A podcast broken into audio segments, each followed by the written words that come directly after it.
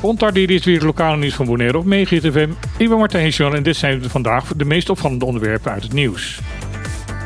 Om 7 uur vanmorgen viel opnieuw op een groot aantal plekken op Bonaire wederom de stroom uit.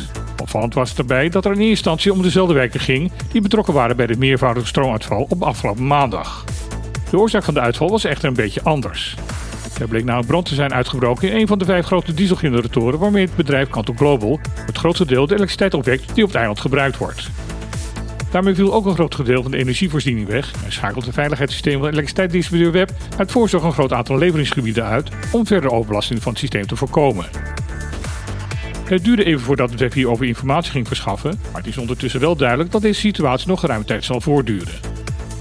Het lijkt erop dat het web daarbij kiest om steeds verschillende wijken op het eiland voor een bepaalde tijd uit te schakelen. Het web heeft ook gemeld dat de noodinstallatie bij Barcadera zo snel mogelijk zal opgestart worden. Het gaat hierbij om drie oude dieselgeneratoren die nog stammen uit de tijd dat de trein in gebruik was door de Wereldomroep. Het Openbaar Liggen Bonaire heeft nog geen concrete plan klaar liggen om de klimaatsveranderingen aan te pakken. Dat zegt de deputeerde Hennis Stielman in een artikel in het Caribisch Netwerk. Anders dan in de meeste gebieden in Europees Nederland hebben de Caribische gemeentes in dat opzicht nog het nodige huiswerk te verrichten, erkent Tielman. Milieuorganisatie Greenpeace zal in 2024 voor de rechter staan in een zaak tegen de Nederlandse staat.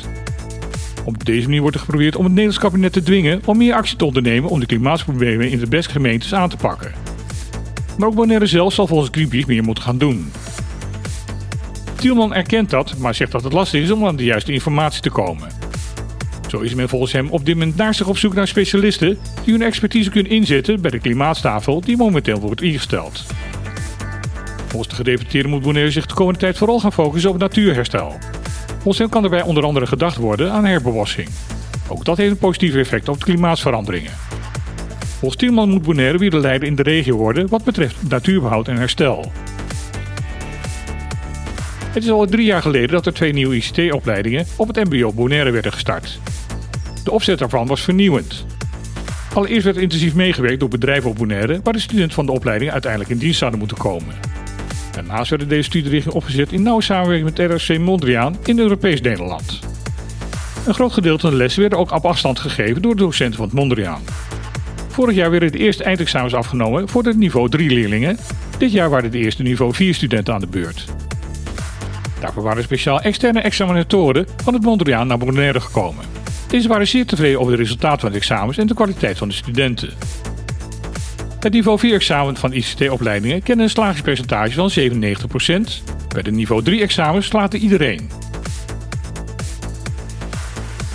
Mochten deze studenten hierna willen gaan doorstuderen in Europees Nederland, is daar ook goed nieuws over te melden. Na al in de Tweede Kamer zeer brede steun te hebben gekregen, is nu ook de Eerste Kamer vrijwel unaniem akkoord gegaan met de herinvoering van de basisbeurs voor studenten voor het hoger onderwijs in Nederland.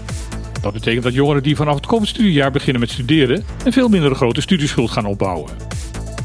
De nieuwe studiebeurs kan al vanaf 19 juli worden aangevraagd. Voor het aanvragen heb je een zogenaamd burgerservice nummer nodig. Het is de bedoeling dat in 2025 iedere burger van het Caribisch Nederland een dergelijk BSN zal gaan krijgen. Tot die tijd is voor studenten uit de best die in Nederland gaan studeren een overgangsregeling bedacht. Door je in te schrijven bij DUO, het uitvoeringsorgaan voor de studieleningen en beurzen, krijg je als aankomend student automatisch ook een burgerservice nummer.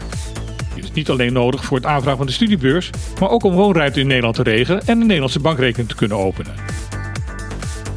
Dit was weer het lokale nieuws van vandaag. Ik wens iedereen een energievolle dag toe en dan heel graag weer. Tot morgen.